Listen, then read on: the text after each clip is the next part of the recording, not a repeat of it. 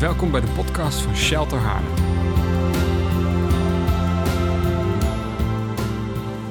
Wat een krachtige aanbidding, hè, hadden we net.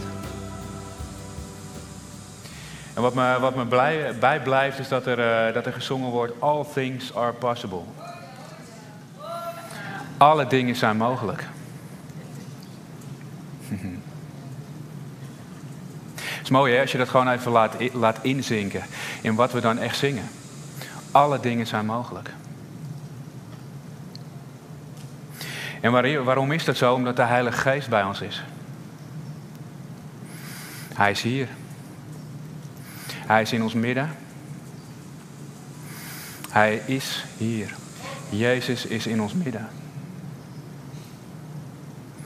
En dat is alles waar we naar kunnen verlangen eigenlijk.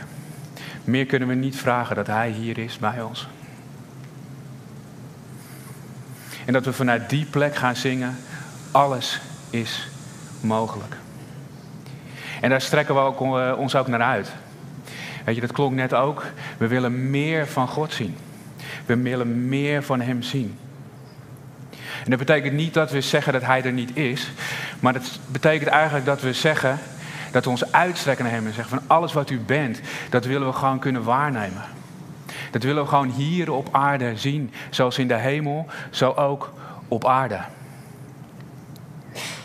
In Psalm 34 staat: Come taste and see that the Lord is good. Kom proeven en zien de goedheid van de Heer. De goedheid van de Heer. En dat is wat we met onze zintuigen waar kunnen nemen. We kunnen het proeven, we kunnen het zien. Dat wat in de hemel is, dat kunnen we hier op aarde zien. Waarom? Omdat Hij hier is. En daar verlangen we naar. En dat meer van God, daar wil ik het deze ochtend met jullie over gaan hebben. En ik wil dat doen aan de hand van de wonderbare spijziging, zoals het zo mooi in de HSV als titel staat weergegeven. En ik wil dat gaan voorlezen. En je kunt het in alle vier de evangelieën vinden, dat verhaal, die gebeurtenis. Maar ik lees hem vooruit, Marcus 13, vanaf vers 30. En de apostelen kwamen weer samen bij Jezus en berichtten hem alles wat zij gedaan en wat zij onderwezen hadden. En hij zei tegen hen: Komt u zelf mee naar een eenzame plaats, alleen en rust wat uit. Want er waren velen die kwamen en gingen en zij hadden zelfs geen gelegenheid om te eten. En zij vertrokken in een schip naar een eenzame plaats alleen. En de menigte zagen hem weggaan en velen herkenden hem en gingen uit alle steden gezamenlijk te voet daar naartoe. En zij kwamen er voor hen aan en gingen samen naar hem toe. En toen Jezus uit het schip ging, zag hij een grote menigte en was innerlijk met ontferming bewogen over hen. Want zij waren als schapen die geen herder hebben en hij begon hun veel dingen te onderwijzen. En toen het al laat geworden was, kwamen zijn discipelen naar hem toe en zeiden: Deze plaats is eenzaam en het is al laat. Stuur hen weg, opdat zij naar de omliggende gehuchten en dorpen kunnen gaan en broden voor zichzelf kopen, want zij hebben niets te eten. Maar hij antwoordde hun en zei: Geeft u hen te eten.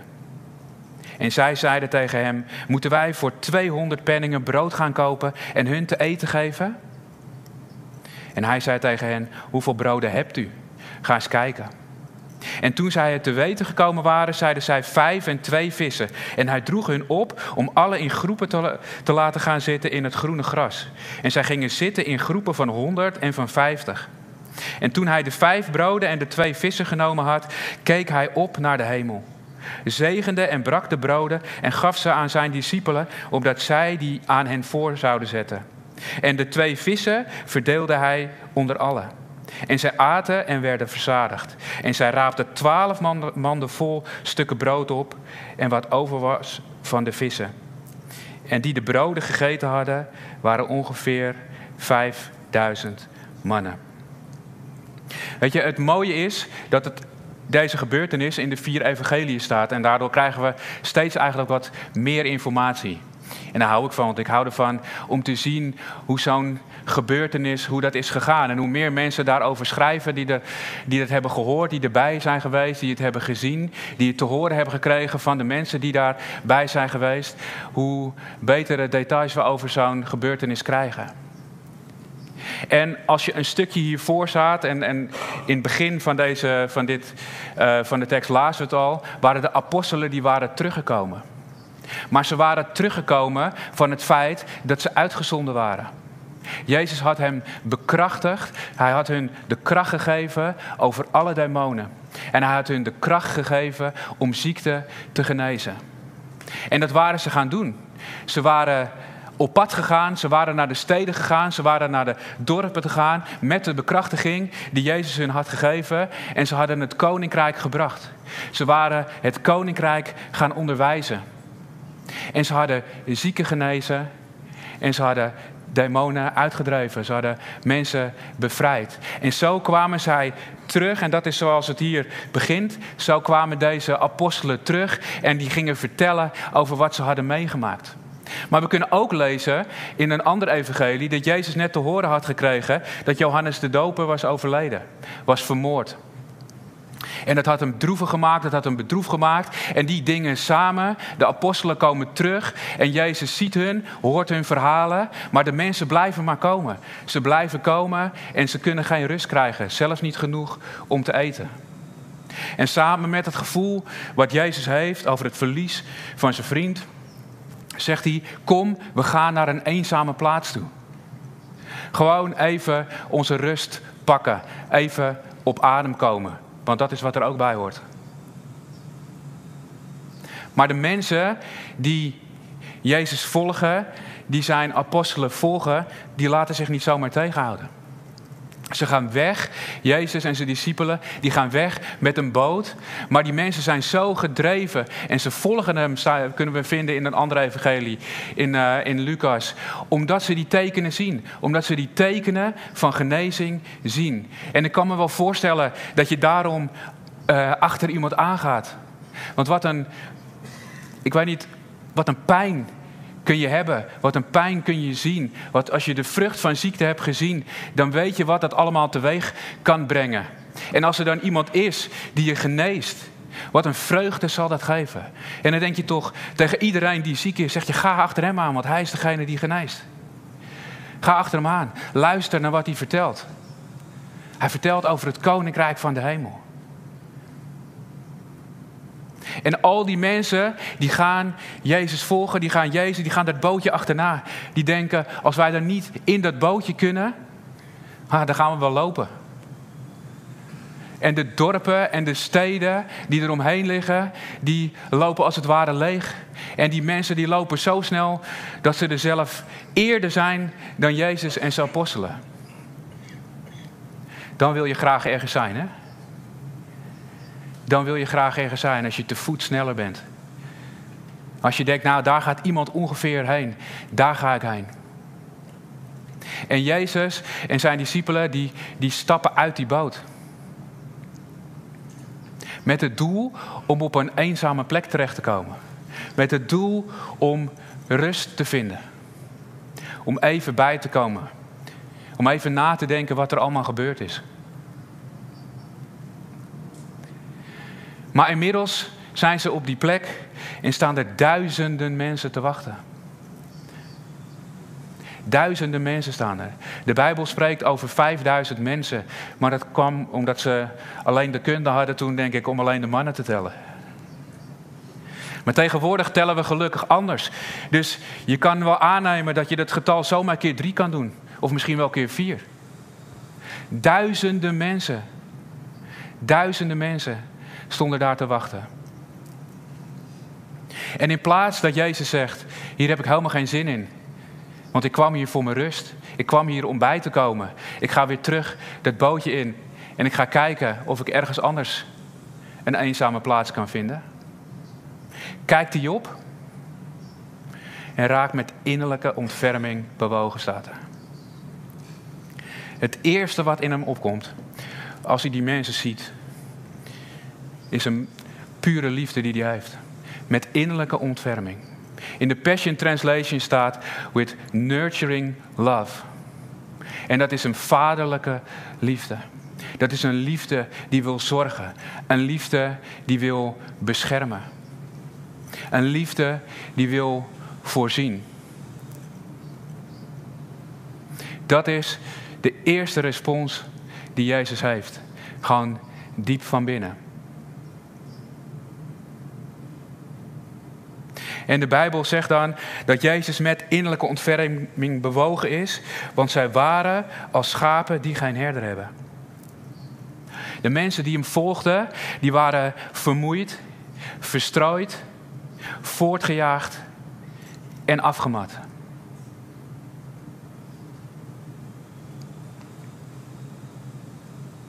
Maar gelukkig is Jezus de goede herder.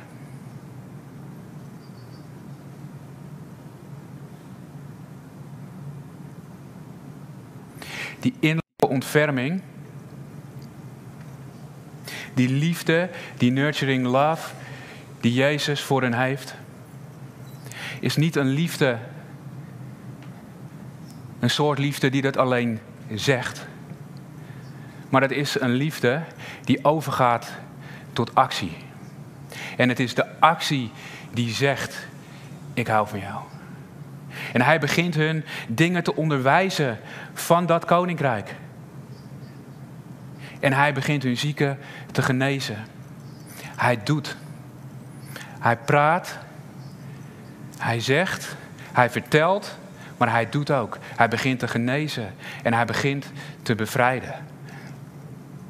Want zo ver uit elkaar ligt dat allemaal niet. En kun je je voorstellen wat voor vreugde er begint te ontstaan in die massa van duizenden mensen? Als ziekte wordt genezen. Als je niet kon lopen en je kan weer lopen. Als je depressief was en je voelt weer vreugde doorbreken.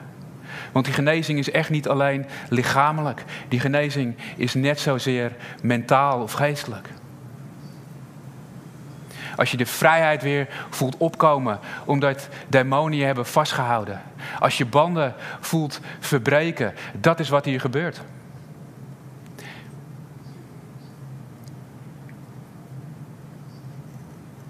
En weet u, dat is vandaag, dat is nu, nog net zo. Daar is niks aan veranderd. Dat is precies hetzelfde. God is nog net zo met ons. Zijn Heilige Geest is in ons.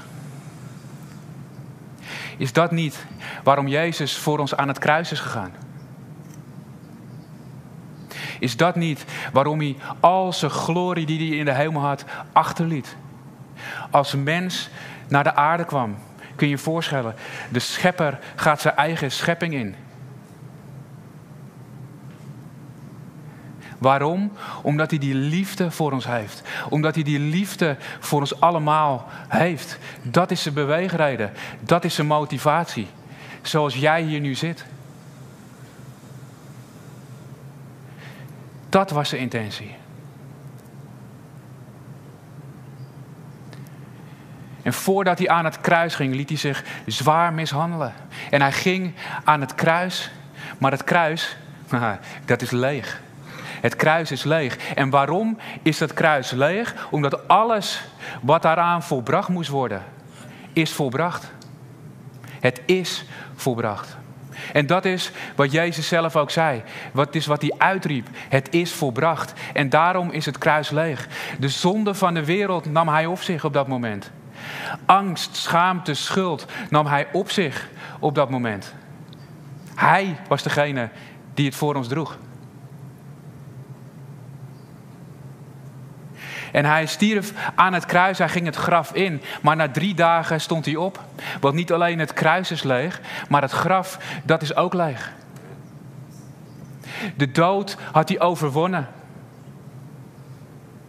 En zo noemt de Bijbel hem ook de eersteling. De eersteling van alles. De dood is overwonnen. En als wij dat geloven, als wij dat aannemen,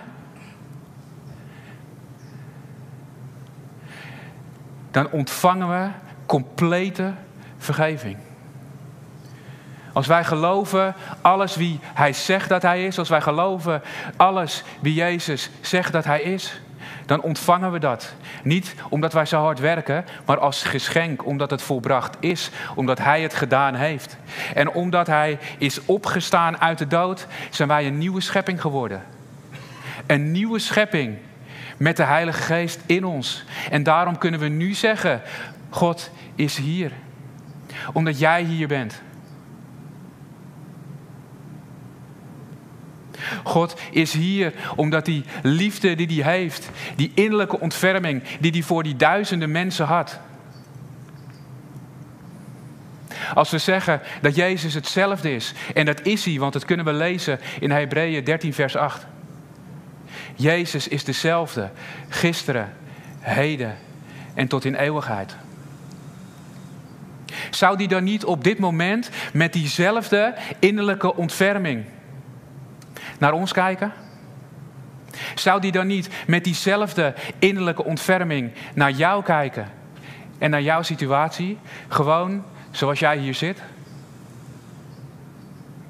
Want er waren duizenden mensen die daar zaten, waar Jezus naar keek. In zijn innerlijke ontferming was voor iedereen, ongeacht hoe je daar zat. En hij genas alle ongeacht hoe je daar zat. En die innerlijke ontferming, die is nu ook hier. Die liefde is nu ook hier bij jou. Een aantal jaar geleden was mijn oma bij ons op bezoek. En ze was toen 91 jaar. En mijn oma was ja, is eigenlijk altijd vrij mobiel gebleven. Ze kon zich lekker bewegen en ze kon dus ook gewoon nog makkelijk bij ons op bezoek komen hier in Haarlem, hoewel ze zelf in Amsterdam woonde. En ze kwam bij ons en ik zag oma opeens moeilijk lopen. En ik vroeg haar naar wat er gebeurd was, want het was niet zoals ze normaal liep. En je kon duidelijk zien, ook in haar gezicht, dat ze gewoon pijn had. En ze zei, ik ben gevallen en ik ben op mijn heup gevallen. Er is verder niks gebroken gelukkig, maar het doet wel gewoon ontzettend pijn als ik loop. En we waren daar op visite en ik, of tenminste mijn oma was bij ons op visite. En op een gegeven moment komt het punt dat ik er, uh, dat ik er terug naar huis ging, ging rijden met de auto. En oma zat naast me en ik stopte voor de woning. En ik dacht, zo kan ik oma toch niet naar huis laten gaan. Zo kan ik toch niet zeggen, tot de volgende keer. En weet u, ik vond het spannend, ja. Maar ik zeg, oma, u weet dat ik geloof. Zou ik voor uw heup mogen bidden? En we liepen naar bidden. Ze zei, ja jongen, dat is goed. En we liepen naar bidden en oma ging zitten in de stoel. En ik mocht mijn hand op de heup leggen. En ik sprak woorden van genezing uit in de naam van Jezus. En ik heb mijn oma nog nooit zo verbaasd naar me zien kijken als op dat moment. En ze zei eigenlijk, wat doe je? En ik zeg, oma, ik doe niks, dit is Jezus. Dit is zijn liefde voor u, die je voelt. En ze sprong uit de stoel op en ze begon te lopen en ze zei, de pijn is weg. Jezus is hier.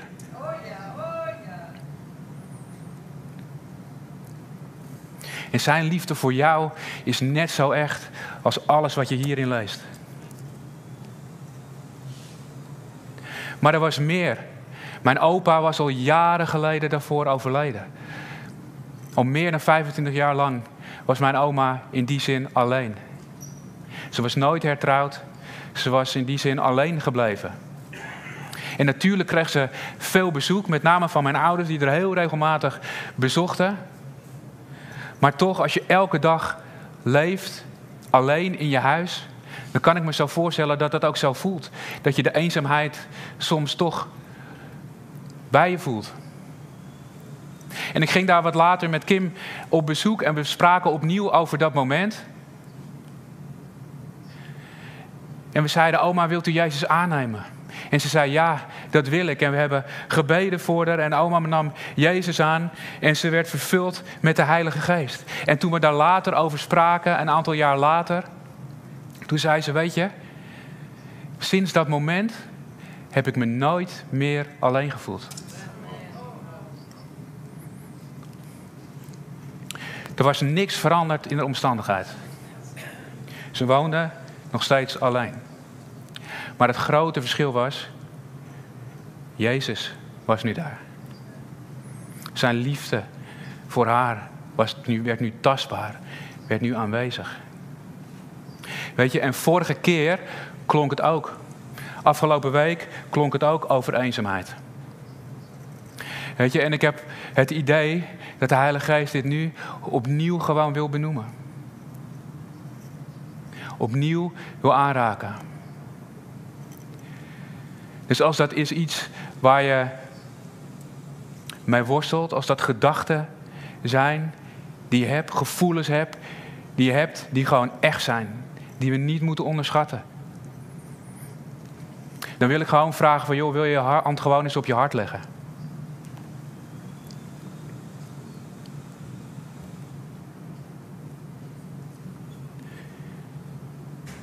En dan bid ik gewoon, Heilige Geest, wilt u gaan? Wilt u gaan naar degene die hun hand op hun hart hebben gelegd op dit moment? In de naam van Jezus. In de naam van Jezus. Wilt u hun opnieuw krachtig aanraken met uw aanwezigheid, met uw liefde.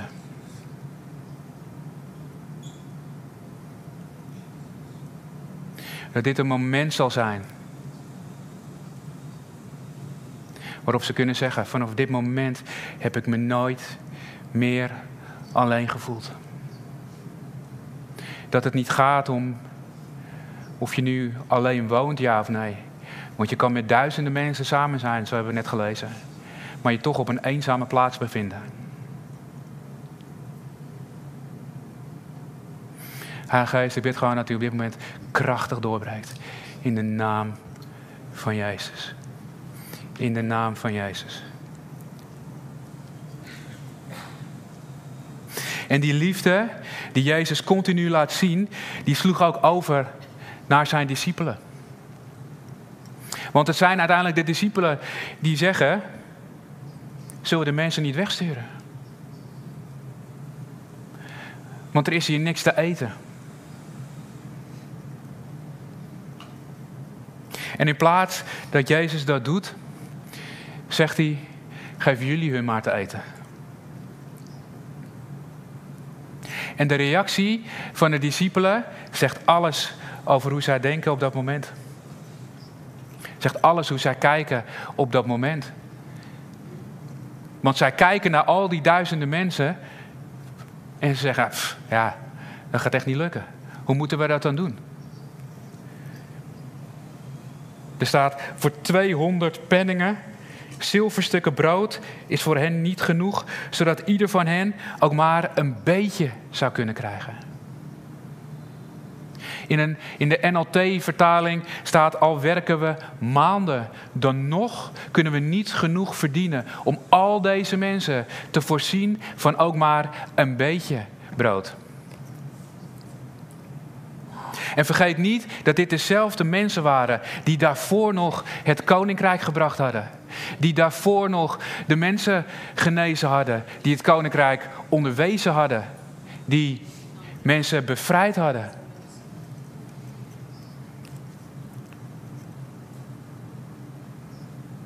Dat was het stuk waarmee ze vertrouwd waren. Dat was het stuk van Jezus, van God, die ze hadden gezien, die ze kenden, waar ze in uitgestapt waren, waar ze in getraind waren. Want als Jezus had gevraagd, kijk naar al die mensen en kijk naar de zieken, en had, ge, had gezegd, ga naar die mensen toe en genezen, dan denk ik niet dat ze gezegd hadden, wow, maar dat zijn er echt wel veel. Dan waren ze in die groep gegaan, in die duizenden mensen, en hadden ze genezing over hen uitgesproken. Maar Jezus wilde laten zien dat hij veel meer was. Dat hij veel groter is dan het stukje van wat ze hadden gezien.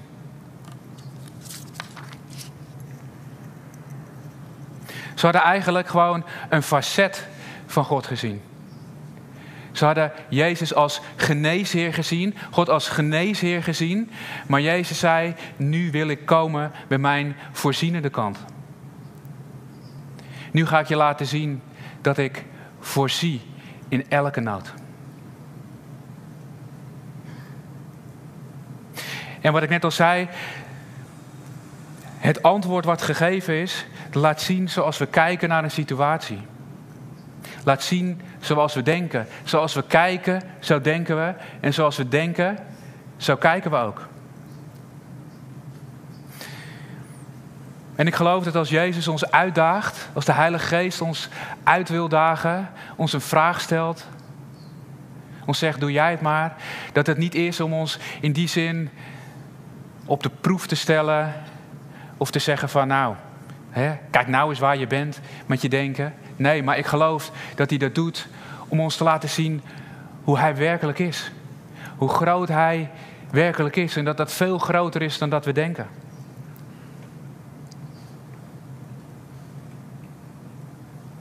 En er komt op een gegeven moment een jongen, zijn naam wordt niet genoemd, want Jezus zegt: ga maar kijken wat er dan wel is. Hoeveel eten er dan wel is. En, hij, en ze komen terug en dan komt een jongetje en die zegt: Ik heb vijf broden en twee vissen. En die jongen die geeft alles wat hij heeft weg. Al het eten wat hij heeft, dat geeft hij weg aan Jezus. En Jezus die ziet diezelfde hoeveelheid mensen, die kijkt naar wat hij heeft ontvangen. En hij richt zijn blik vervolgens omhoog. En hij begint de Vader te danken voor wat hij heeft. Voor wat hij in zijn handen heeft gekregen. Hij zegt: Dank u wel, Vader. Dank u wel. En hij begint het te zegenen en het brood te breken. Maar vervolgens geeft hij het aan de discipelen, zodat zij het mogen uitdelen. En die discipelen beginnen alsnog die groep van duizenden mensen in te gaan en die beginnen dat brood uit te delen. En moet je voorstellen dat als jij daar loopt en je krijgt dus dit brood in je handen en je gaat dat uitdelen. En je denkt, nou, het zou nou toch wel een keertje op moeten raken, toch? Maar je kan maar uit blijven delen en uit blijven delen en uit blijven delen. En je hebt er 100 eten te geven, je hebt er 200 eten te geven, je hebt er 300 mensen eten gegeven. En het gaat niet op.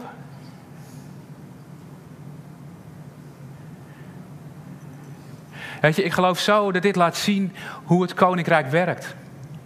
Er is iemand die iets geeft. Die in dit geval alles geeft wat hij heeft. Jezus ziet de voorziening die zijn vader heeft. De voorziening die al lang klaar ligt. Want in een ander evangelie staat dat Jezus al lang wist wat hij zou gaan doen.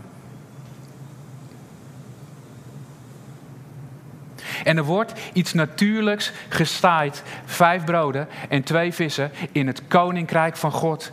En je ziet dat er een bovennatuurlijk grote oogst wordt gezaaid. En ja, Jezus kan dat doen zonder onze hulp.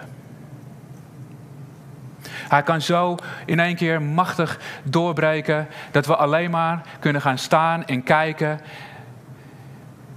Als we dan nog kunnen staan van wat er gebeurt. Maar hij heeft ervoor gekozen om dat samen met ons te doen.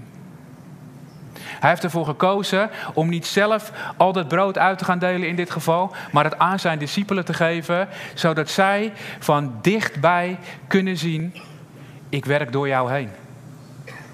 Deel het maar uit.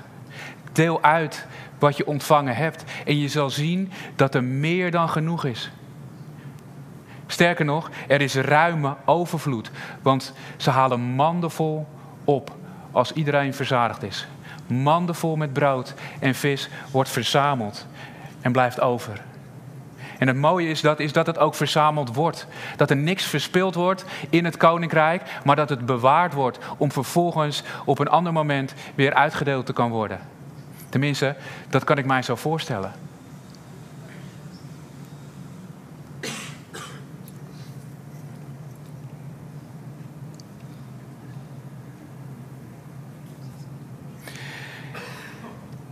En dan gaat het verhaal verder.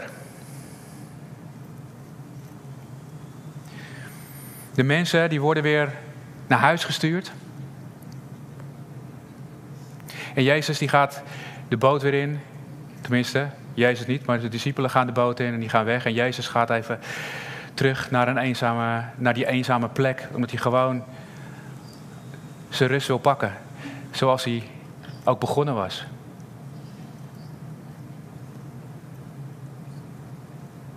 Maar die voorziening, die is daar geweest.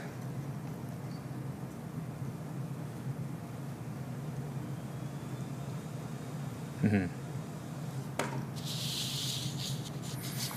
En ik wil dan ook de suggestie doen.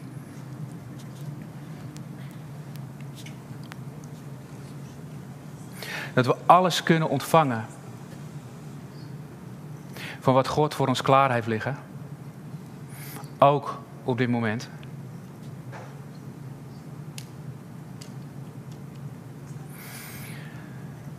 Als we gaan geloven.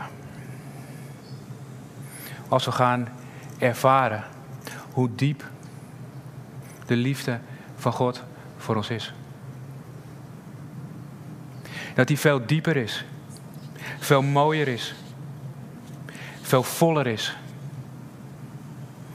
dan wij op dit moment denken. En ik geloof dat de Heilige Geest op dit moment doorbraken wil geven. Ik geloof dat hij genezing wil geven. Ik geloof dat hij bevrijheid, bevrijding wil geven, vrijheid wil geven. Ik geloof dat hij in je situatie wil komen en wil voorzien, ook op dit moment. Weet je, en dat gaat, zoals Michiel net ook zei, dat gaat niet op degene die op het podium staat. Ik pak even het stukje erbij, zoals Rebecca opende. Hem die nu bij machten is te doen, ver boven alles wat wij bidden of denken. Overeenkomstig de kracht, de kracht die in ons werkzaam is. En dat is in een ieder die de Heilige Geest heeft ontvangen. Hem zij de heerlijkheid in de gemeente door Christus Jezus. In alle geslachten tot in alle eeuwigheid. Amen. Weet je, en ik heb een aantal mensen gevraagd van joh, zou je woorden van kennis willen vragen? Zou je je willen uitstrekken naar profetische woorden? En uh, als je die hebt, wil ik je gewoon vragen om gewoon even naar voren te komen. En ik wil aan jullie vragen, gemeente, dat als zo'n woord voor jou is, als wat uitgesproken wordt straks voor jou is, reageer erop. Reageer erop. Want dit zijn. Een woord van kennis, een profetisch woord, is gewoon een stuk liefde, een stuk compassie van de Heilige Geest, wat gereleased wordt. Die jouw doorbraak kan zijn. Yes. Misschien zei jij, ja.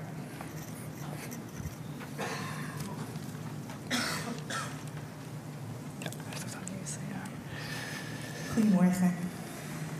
Nou, wat gaaf hè, dat we dat vertrouwen mogen hebben als wij een paar dingen hebben, dat God het vermenigvuldigt. Um, ja, ik heb thuis gevraagd om indrukken en um, het eerste waar ik aan dacht was een man die last heeft van hielspoor. En toen dacht ik, dit is echt van de Heer, want ik heb geen idee wat het is. Maar het is dus iets wat bestaat. Uh, dan heb je pijn in je hiel. uh, is er iemand die dat heeft? Oké. Okay. Dan heb ik natuurlijk nog mooi achter de hand dat er ook mensen op luisteren kijken. Daarachter, de, Toch? daarachter is iemand. Wel iemand? Oh ja. ja. ik zit in die lamp, dus dat. Uh... Wat? Oh ja, nee. Ja, dat kan natuurlijk ook vrouwen zijn, natuurlijk. Maar. Oké. Okay. Ja? nou. Moeten we meteen even bidden dan? Even... Ja, wat je... Ja. Nou, dan gaan we meteen voor bidden. Doen jullie mee? Ja. Yes, gemeente, willen jullie staan? Ja. We onze handen uitstrekken. Dank u wel, Heer, dat uh, in Jezus' naam spreken we nu genezing uit over deze hielspoor. In Jezus' naam spreken we uit dat alles weer normaal is, geen pijn meer doet. Dat je volledig kan functioneren. Dank u wel, Heer, dat u hem op het oog heeft deze ochtend. En dat uw belofte waar is. Amen. In Jezus' naam. Halleluja. Nou, ga je dat uittesten? Of? Ja. Ja, ik kan het wel uittesten. Oh. Oké. Oké. Misschien kunnen een paar mensen gewoon verder bidden en dan ja. kan eh Mariette, jij verder.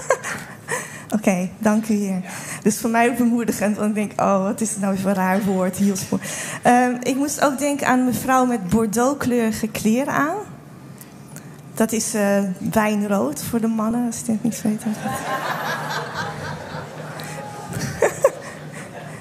Weet je wat Marianne heeft, die kleur? Ja, misschien ben jij het wel. Ehm, ja, ik heb de indruk dat je al jaren voor één of meer gezinsleden bidt die nog niet gered zijn. Nou, ik denk dat klopt eigenlijk ook wel jou. Eh, de Heer zegt, geef niet op, want het zit eraan te komen. Binnenkort komt de ommekeer. Ja, Yes. dank u wel, Heer. Ehm, ja, ik heb ook nog eh, iemand die op nummer 149 woont. Is dat iemand? Nee? Oh, heeft ook nog een hond. ja, dat kan op livestream zijn. Nou, als u dat bent, of jij dat bent... Ik had het idee dat God zei... Je bent al een tijdje aan het vragen... Wat is de volgende stap? En God bemoedigt je van... Nog dit jaar gaat eh, een belangrijke deur voor je open. Eh, waar je dus heel lang op, op wacht. Ehm, ja, ik heb nog twee dingen waarvan ik denk... Misschien is dat eng om je hand voor op te steken... maar dan kun je na afloop naar voren komen of naar iemand toe gaan. Eh, dat was best wel heftig. Een, een jonge vrouw of een meisje die denkt... eh, misschien is het maar beter als ik een eh, einde aan mijn leven maak. Want ehm, ja, dat zou gewoon eh, al mijn problemen oplossen. Maar God zegt vanochtend tegen jou, het is gewoon niet waar. En zoek hulp of zoek Jezus en, eh, of kom naar voren. En ja, de waarheid is dat je gewoon nog een leven voor je hebt. En dat je bevrijd kan worden van depressie. Daar hebben we ook over gezongen. In het lied kwam het eh, naar voren. En de andere is, ehm, waarvan ik denk dat er meerdere zijn. Ehm, God zei het woord prettig verslaafd tegen mij. En eh, wat hij daarmee bedoelt van... je kunt verslaafd aan iets zijn en zelf denken... ach, het is best wel onschuldig. Ik, eh, heb geen, het, is niet, het is geen cocaïne of porno of wat dan ook. Het is gewoon iets leuks. Maar eh, ik heb echt het idee dat God wil zeggen van... het lijkt onschuldig, maar dat is het niet. Want het houdt je af van je focus op mij. En ja, laat je niet wijsmaken dat het eh, allemaal wel meevalt. En het is dus een oproep om een wijs besluit te nemen. Van ook een prettige verslaving die je eigenlijk leuk vindt, is toch een verslaving waar God je van wil bevrijden. Dus als, dat is ook ongemakkelijk, denk ik. Dus daar kun je ook voor uh, na afloop. Yes? Ella? Spannend. Ho, spannend. Ho. Eh, ik lees het maar gewoon op. Eh, zie op mij, mijn kind. Ik heb je in de wieg gelegd voor mijn doel. Kom tot leven, kom tot leven. Ik sta naast je. Roep tot mij. Jezus, je vriend, je redder. Ga niet een ruimte in waar het donker is. Het is niet pluis. Jij weet niet wat daar speelt. Ga terug en zie het licht. Dan weet je waar je bent en loopt. Licht heb je nodig. Jezus is het licht van deze wereld en zie op Hem. Hij beschijnt jouw pad. Ga achter Hem aan. Hij zal jou nooit in het duister laten lopen. Ho, ho. Dit kan meerdere zijn. Kan ook. Ik had een indruk, maar dat is nu even spannend. Dat het iemand is die een shirt of, of iets draagt met groene appeltjes erop. maar goed, dat terzijde. Het woord is waar. Dus voor wie het is, pak het. Ho. En ik denk dat er veel meer zijn die dit kunnen. Ho. Want ik sta hier wel. Weet je, ho. Maar oefen, probeer. Ho, ga je gang. het is belangrijk voor, ons, voor een ieder die ook naast je staat. Of... Yes. Dankjewel. Henk, jij ook?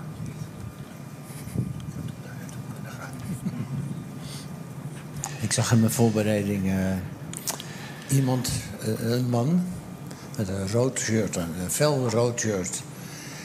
En ik had iets van. een man in een fel rood shirt. Nou, en, eh, het- we zitten daarin, maar. Ik,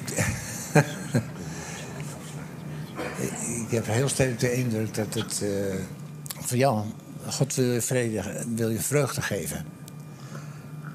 Een vreugde die je nog niet. eh, ja, met X op je borst, hè? Een vreugde die je nog niet gesmaakt hebt.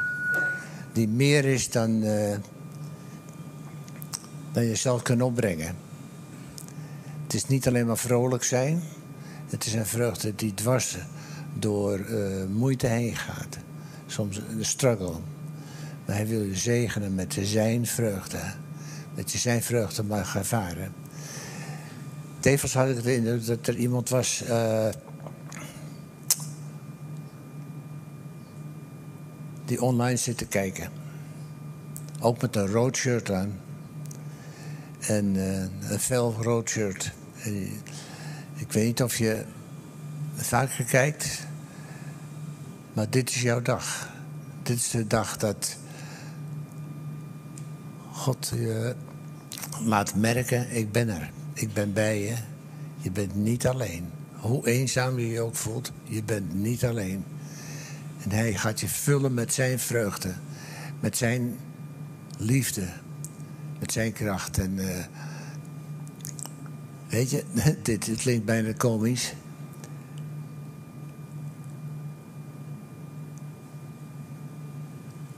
Ik, ik zie al in de geest al de aarzeling, de aarzeling. Maar zijn, ook voor jou, zijn aanwezigheid, zijn vreugde is jouw deel. God gaat je hiermee zegenen. Hij heeft je gezien. Hij heeft je gezien.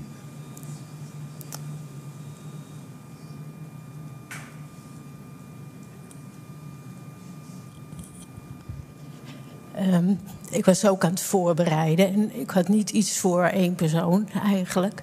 Maar ik werd ontzettend geraakt door een gevoel van, eigenlijk heeft Wesley het al gezegd, eenzaamheid. Er zijn zoveel mensen die lijden, die ziek zijn of psychische problemen hebben. En die zich daarin heel alleen kunnen voelen. Eh, omdat ze niet begrepen worden. En ik denk, ik had het gevoel dat ik toch gewoon een oproep moest doen aan ons allemaal, ook aan mezelf. Neem de tijd om naar een ander te luisteren. Sta niet gelijk klaar met, met woorden, met, met antwoorden. Pasklare antwoorden. Uit de Bijbel bijvoorbeeld, maar luister. Ik denk dat dat heel belangrijk is. Dat we leren om te luisteren en proberen naast de ander te gaan staan, te gaan zitten. Een arm om iemand heen is soms al genoeg. En ja, soms is het zo'n dooddoen om te zeggen: ja, maar vertrouw op God, want Hij kan alles. Dat weet iemand al lang. Maar wees er gewoon voor iemand.